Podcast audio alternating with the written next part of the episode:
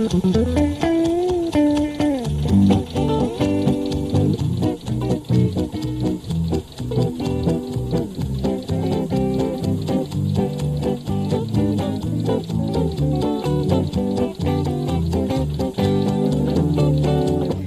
och välkommen till Traktorpodden. Det här är podden som bara handlar om veterantraktorer och det kan bli hur nördigt som helst. Jag heter Helena Wenström. Jag heter Lars Wernersson. Det är ju jubileumsår i år med. Volvo BM 650 är det den här gången som fyller 50 år. Den tävlar med Boxer kan man säga om att vara Sveriges storsäljare. Ja, Boxern firade ju 60 år i fjol. Och de här två modellerna tillverkades i ungefär lika många exemplar. Så det är en bra fråga vilken som är storsäljaren och klassikern nummer ett. Skillnaden är väl också att 650 trots att den har veteranstatus fortfarande används i jordbruket i mycket större utsträckning. Vi ska besöka ägaren till en av de här arbetshästarna, Lars Haglund i Flakeberg utanför Grästorp i Västergötland. Han har en väldigt fin 650 som fortfarande jobbar i lantbruket. Hans 650 har ett mycket högt tillverkningsnummer, en av de senast tillverkade och den skulle egentligen exporteras till Mellanöstern men den hamnade i Sverige till slut. Den är lite enklare utrustad. Och så blir det ju föga förvånande får man säga den här gången in intressant historik om 650. Lars, hur bra gick det egentligen för 650? Den var BMs sista stora succé. Sen ville Volvo dra sig ur och började samarbeta med finländska Valmet istället. Så att eh, traktorerna efter 650 var inte så framgångsrika.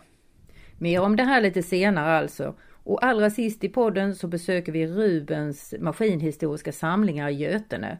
Nu är det Rubens son, Tore Blom, som har gjort samlingen till sitt stora livsverk. Han har god hjälp av fler i familjen också. Men först dags att träffa Lars Haglund.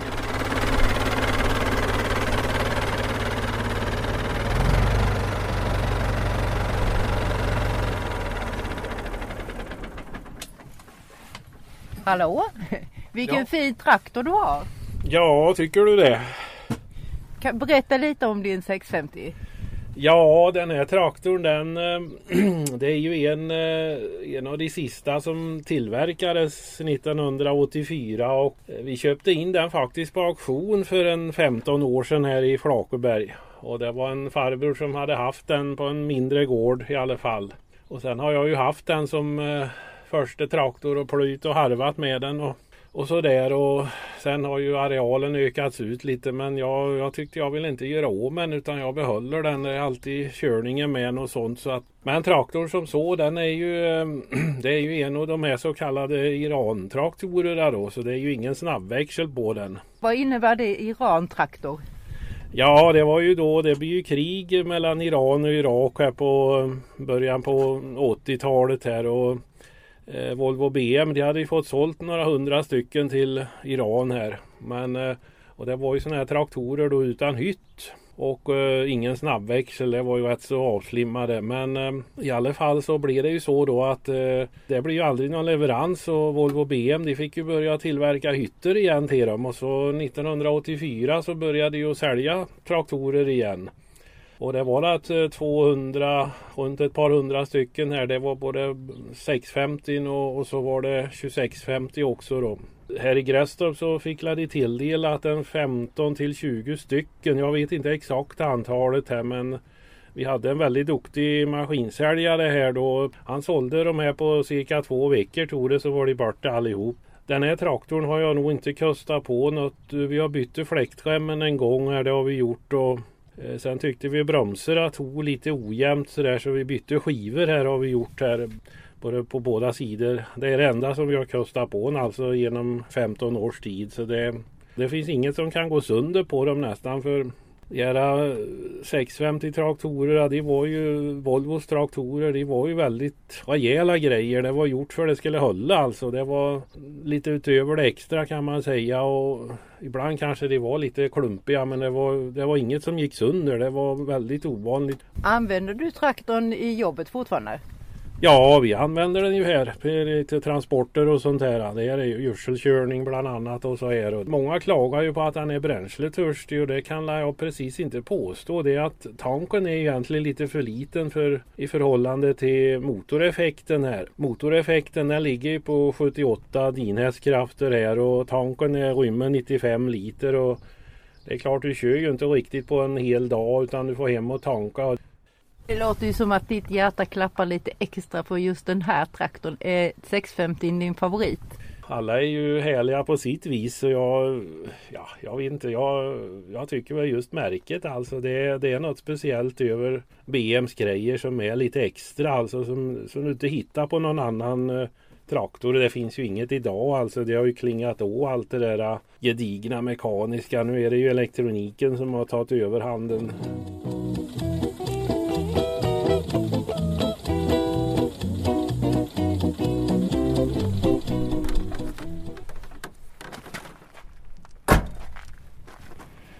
Har det blivit väldigt hysteri med det här med samlarvärde och sådär. Jag har det ju inte för det utan det är ju mer, jag tycker det är roligt att ha de här traktorerna och köra med dem och använda dem. För det är ju väldigt viktigt med en traktor att man att det ska gå alltså överhuvudtaget vare sig det är traktor eller bil eller vad det nu är ett eh, mekaniskt eh, fordon så ska det ju röra på sig. Det ska motioneras och brukas liksom. Det ska inte bara stå i ett hörn någonstans och gå och titta på för då kommer man säkert inte kunna få igång den igen. Sen kan man använda det på olika sätt. Eh, I det här fallet så är det med lite varsamhet kan man säga då. Men den är inte till salu? Jag får inte köpa den av dig?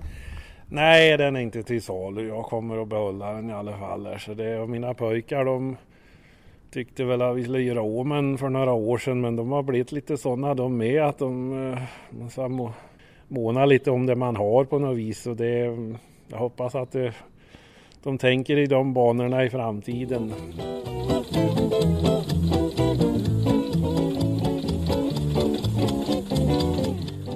Dags för historik. Vilken är nu den stora svenska klassikern när det gäller traktorer? Ska vi försöka reda ut det? Bra fråga. Är det 650 eller boxen? Det är nog boxen. Idag i alla fall. Åldern talar till boxens fördel kanske. 650 är ju i högsta grad aktiv i jordbruket än idag. Så om ytterligare 25 år kanske 650 är den mest vördade. Vem vet? Vi har ju tidigare pratat om BM Volvo 350 Boxer här i Traktorpodden. Den modellen firade som vi sa tidigare 60-årsjubileum i fjol och vi besökte då Stig-Arne Karlsson i Halland som kör med boxen. Han har ju gamla ettan, alltså den som har tillverkningsnummer ett och den jobbar i skogen än idag. Och alla människor som överhuvudtaget känner till en traktor eh, känner ju till antingen grollen eller boxen. Så det är ju en, ett klassiskt, eh, en klassisk modell. Och i slutet av 60-talet skulle boxen ha en efterträdare så då var det ju viktigt att det blev en traktor som kunde fylla kostymen efter boxen. Och det lyckades 650 med måste man säga. Tillverkningstalen under de 12 år som 650 fanns är i paritet med boxen. Men det beror lite på hur man räknar. Traktorer tillverkas nämligen i olika varianter. Det är därför du tar och förklarar lite bättre. Vi tar lite siffror ur Olof Hedells bok Från Munktells till Valmet. Boxer tillverkades eh, mellan 1959 och 67 i 26 815 exemplar i jordbruksversion. I den förstärkta industriversionen tillverkades 1224 och dessutom tillverkades 400 så kallade PKD-traktorer, alltså byggsatser för slutmontering i ett exportland. På det här viset kommer Boxer upp i 28 439 exemplar.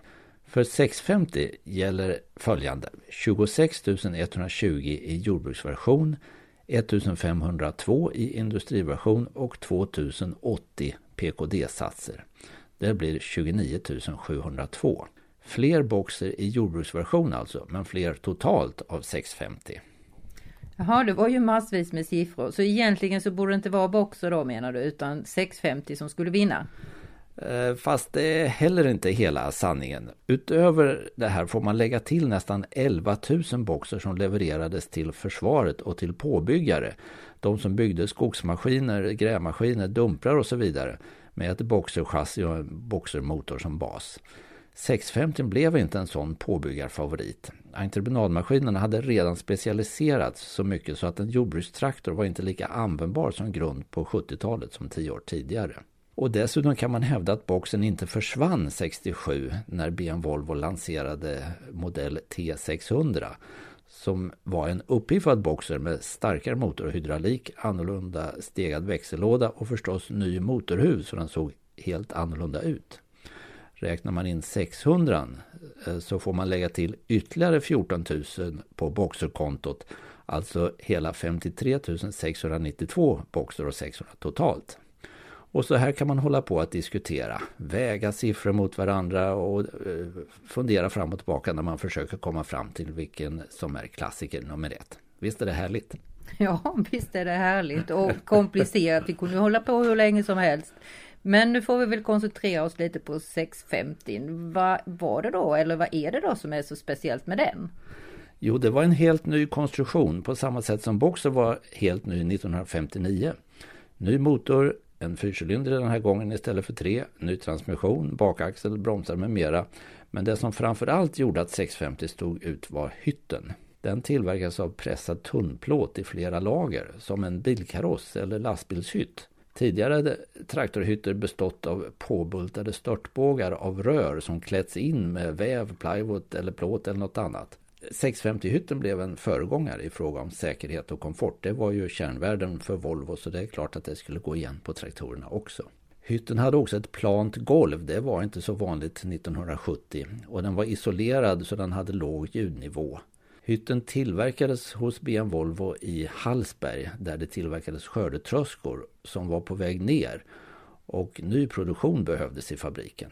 Den enda nackdelen med hytten var egentligen att den åtminstone i början var rostkänslig. Men eh, 650 hade ställbar ratt, hydrostatisk styrning och effektiv värme. Det kom lag på det 1970 att traktorer skulle ha värme.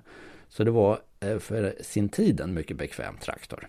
Det var ju mycket om hytt och, och så. Motorerna brukar du ju annars koncentrera dig ganska mycket på. Finns det någonting speciellt att säga om motorn i den här traktorn? Ja då, den var som sagt ny. Fyrcylindrig på 4,2 liters cylindervolym. Och därav namnet D42. Och den hade balansaxlar som minskade vibrationerna. Effekten var i början 73 hästkrafter, senare 78 och växellådan hade 8 växlar framåt och 2 bakåt och en nyhet var att man kunde få snabbväxel, en finess som kallades traktrol. Den innebar att man genom att dra i en spak fick nedväxling och 30% dragkraftsökning direkt utan att man behövde trampa ner kopplingen och växla ner på vanligt sätt. För då hann ju traktorn normalt stanna helt om man drog tungt. Med traktrol fick man dubbla antalet växlar, 16 stycken. Hur gick det då framöver med de här eh, planerna? Ja, 650 fick ett mycket fint mottagande på Elmia 1970 och försäljningen gick som sagt utmärkt. 1975 kom ett förbättrat hydraulsystem som gjorde att traktorn kunde lyfta tyngre. Det enda som var lite tveksamt var bränsleförbrukningen som ansågs ligga lite högt och det fanns de som ansåg att motorn drog lika mycket på tomgång som vid full belastning. Men det kanske var lite överdrivet. Fast det tyckte inte Lars Haglund. Han sa ju att han tyckte inte att den drog så himla mycket diesel som ryktet sa. Nej, han var ju inne på att det snarare var så att tanken var för liten. Så man fick eh, snarare tanka oftare än mycket. Men på 70-talet så höll väl eh, utvecklingen på att springa ifrån 650 liter. Det började pratas mycket om fyrhjulsdrift och turbo på traktorer. Och Volvo BM var väl med på noterna, eh, delvis åtminstone. En turbovariant på 90 hästkrafter kom 1976. Den fick beteckningen 700 och tillverkades parallellt med 650. Fyrhjulsdrift utvecklades också men den hann inte komma fram innan Volvo BM hade beslutat sig för att dra sig ur traktortillverkningen. Annars blev det två prototyper byggda, en 650 och en 700 med fyrhjulsdrift. Och de skilde sig rätt mycket från de tvåhjulsdrivna genom att motorn var en utveckling, D45, med större volym och lägre varv och bränsletanken var större. De här skulle presenteras på Elmia 1980 Modellbeteckningarna skulle vara 2404 och 2454. Och en av de här prototyperna finns hos utvecklingschefen vid Volvo BM, Arne Haraldsson, i Vrestorp i södra Närke. Och den andra finns hos den kände Volvo BM-samlaren Kjell Jensen i Danmark. Vad hände med prototyperna då? Stannade det vid prototyper? Ja, Volvo såg inte någon tillräckligt bra lönsamhet i jordbrukstraktorerna utan ville satsa på entreprenad och skogsmaskiner så utvecklingen avbröts. Och hela Volvos traktortillverkning lades ju ner så småningom. Så 650 blev BMs sista stora succé. De modeller som kom efter tillverkades inte alls i så stora serier. Modell 500 kom upp i cirka 6500 och 2200 och 2600 serierna kom upp, i, eh, ja, upp till ett par tusen. Det handlade inte om några 30 000 i jordbruksversion som för Boxer och 650. Och 650 gick ju också från att vara helt modern 1970 till rätt omodern 1982 när den lades ner. Så dags hade konkurrenterna fått fyrhjulsdrift och alla spakar till höger om förarplatsen, bättre sikt och framförallt mer avancerade växellådor med olika typer av snabbväxlar och powershiftar. Volvo la vid det här laget inte tillräckligt med utvecklingspengar på traktorerna helt enkelt. Vad hände då? Istället etablerade man ett samarbete med finska Valmet om att utveckla det som kallades den nordiska traktorn. Valmets 05-serie.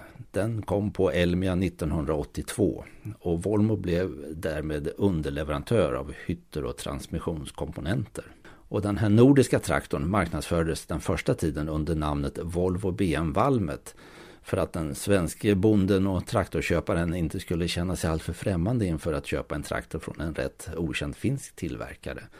Men det här var rätt smart uträknat. Valmet tog raskt över som marknadsledare i Sverige. Men så hade man ju Lantmännen som säljkanal också. Och 05-serien var bra. Nu var det fyrhjulsdrift och fullt med moderna grejer. Och för att avsluta Volvo BMs traktorhistoria i Eskilstuna Lego tillverkades de två största modellerna i det här nya traktorprogrammet. Volvo BM Valmet 2005 och 2105 1985 eh, till 87. Men när det tog slut då var det definitivt slut med traktortillverkningen i Eskilstuna. Tack och hej Volvo alltså. Tack och hej Volvo.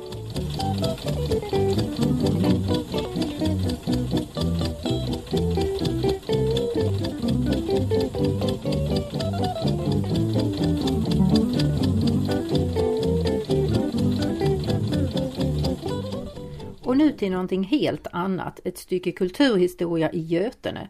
Där finns Rubens maskinhistoriska samlingar i en 1200 kvadratmeter stor byggnad som jag tycker mest påminner om en klassisk järnvägsstation. Det är en gammal lagerbyggnad som en gång monterades ner av ASEA i Ludvika och som Rubens köpte i delar för att de skulle kunna hysa alla sina gamla maskiner. Maskinerna har stått tätt, tätt i traktorer, motorer, lokomobiler och en hel massa annat. Man ser knappt skogen för alla träd. Men det är också lite charmen med den här samlingen. Den som kommer på besök får inte en färdigserverad professionell utställning som man bara kan glida rakt igenom. Utan man får gå runt och titta och känna och klättra och upptäcka själv vad som är spännande. Vi hamnade hos Rubens eftersom jag hade stött på två bröder som heter Huber i Wisconsin i USA i fjol. De har en helt fantastisk samling Farmal och IH-traktorer. Men de började samla med just en Huber. Om de här bröderna kan man läsa i traktor nummer 4 som nu finns ute i butiken. Men jag kom att fundera på om det inte finns någon Huber i Sverige. Och mycket riktigt, det finns en Huber-traktor, hos Rubens förstås. Detta är nämligen en samling som är inriktad på det unika och ovanliga. Vi träffar Tore Blom på Götene Projekt och Konstruktion, metallindustrin och verksamheten som han och familjen lever av. Alldeles bredvid finns verksamheten som de lever för, det maskinhistoriska. Familjens livsinriktning i snart 50 år. Tore Blom berättar hur det hela började för hans pappa Ruben som växte upp på 1920 och 30-talet. Ja, från början var det så här att när han var en liten kille på 5-6 år så bodde han på kommunens fattigbygd där uppe och då fanns det en skrothandlare som hette Noak. Och han hade som yrke att åka omkring på sin trampcykel och samla in skrot. Och det blev lite järnspisar och det blev lite kappabunka och motsvarande då. Va? Men vid något tillfälle så drog man upp någon tändkulemotor och far han stod ju där och tittade och sen när det kom en lokomobil efter Oxa kom det två stycken, drog upp en lokomobil och far han hade ju sett lokomobiler på bygden så han hade, visste ju vad det här var, vad skulle hända nu tänkte han. Och då förstod han när de ställde det på Noaks skrotningsplats, då förstod jag vad som skulle hända. Och han kunde inte i sitt innersta begripa att man kunde skrota så fina grejer. För han såg ju de här nitraden, han hade känsla för de här svängda ekrarna i hjulet. Och så, så han begrep inte detta. Så bestämde han sig för sitt innersta att när jag blir stor så ska jag köpa en egen ångmaskin och själv som ni inte får ta. Det ligger embryot till det här samlandet. Men hur det är så går ju livet och tar ut sin rätt och han är mer inriktad på familjebildning under, en viss period i livet. Men när det var avklarat, hus och hem och, och fru och barn hade kommit till, då började han på 60-talet att tänka om jag ska köpa en ångmaskin får jag göra det nu. För då hade Västgötabanan släppt ånglokorna, Arla, Göda SLM som det hette, hade skrotat ut sina ångmaskiner och de började försvinna. Då frågade han de gamla gubbarna om det fanns någon bil som man kunde få hjälp med. Och då är det ju som alltid när jag frågar gamla gubbar. Jo då Ruben, det ska vi hjälpa med. Där har de en där och det står en där. Och sen undrar jag, men inte han har en också för den stod för några år sedan. Och det, det blir att vi skulle en gång nu 64 åka ut och titta och leta reda på lokomobil till far. Vi hade ingen egen bil då utan vi lastades in i en, eh, en bil som bekant som körde runt oss och det visade sig det att det som var för några år sedan det var ju själva verket ja, 20-30 år sedan kanske. Och eh, där det skulle finnas lokomobil ganska självklart, det var ju bara en spånhög för såga var till och med borta. Va? Eller också var det elektrifierat eller om det stod en tankelmotor i såga. Så några lokomobiler det hittade vi ju inte. Det tog en hel, en hel söndag vi kom utanför Skövde då hittade vi en lokomobil som stod i en hage där och då hade man rivit ner såga så skulle gubben göra om lokomobilen till en vedklöv. Och nu hade far fått trunafäste så nu skulle han köpa lokomobilen. Så han gav sig inte utan höll på där i och kanske en timme och tjatade med gubben innan han fick lös den. För far var oerhört köpnödig nu på eftermiddagen. Men gubben var ju inget säljnödig så det var en konflikt. Men far köpte lokomobilen och han hade köpt sin första med det. Va? Sen började det rulla iväg för då kom det nya tips. Ja, gubbarna, alltså man ställde frågor så, här, så vet de ju och så efterhand så rinner det till. Va? Så den som söker han ska finnas står det i skriften. Och det är ungefär så det fungerade. Va? Vi går ut för att botanisera bland alla de unika föremålen i samlingen. Redan när vi går över gården sätter Tore igång och berättar. Många av köpen krävde årtionden av bevakning innan föremålen kunde komma i hans ägo. Det där är en ångvält va? Det är en av Sveriges sista använda ångvältar. Det var tre stycken kvar ifrån gamla tiden. Och den där den frågade vi på 1978 eller 79 första gången. Den stod upp i Stockholm. Och det gick inte att köpa den men jag köpte alltså den först på hösten 2018. Så lång tid tog det innan jag fick loss den. Den lokomobilen där, som är mellanstorleken av Munktas självgående, den frågade far på 73 första gången och den köpte vi i fjol.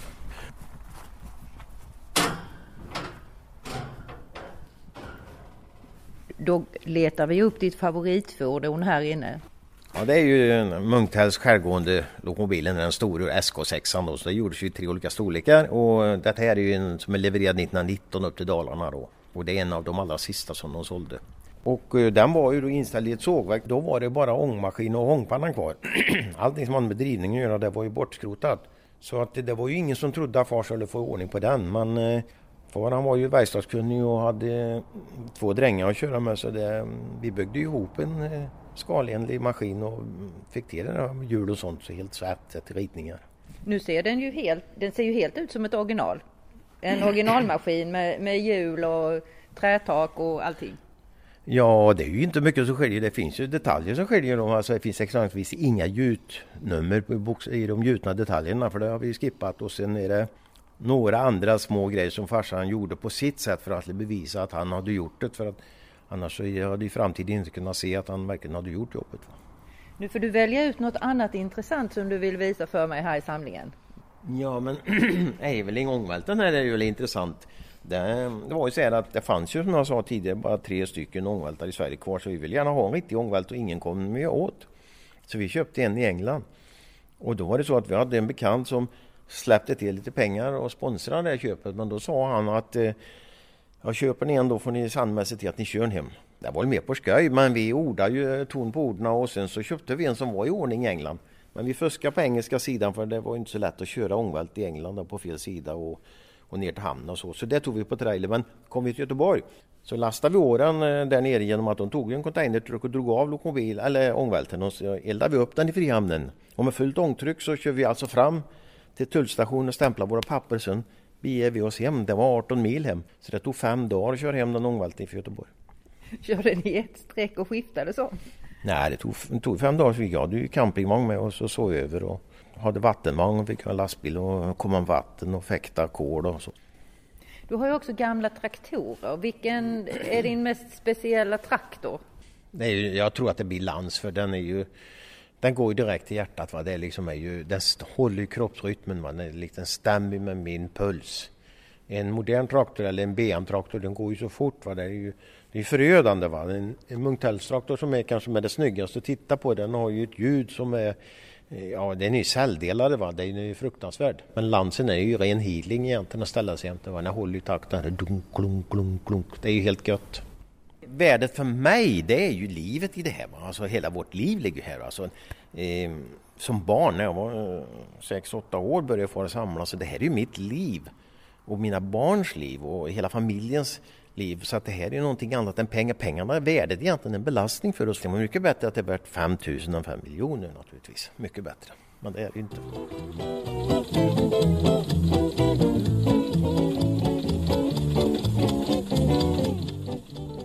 Det var allt för den här gången.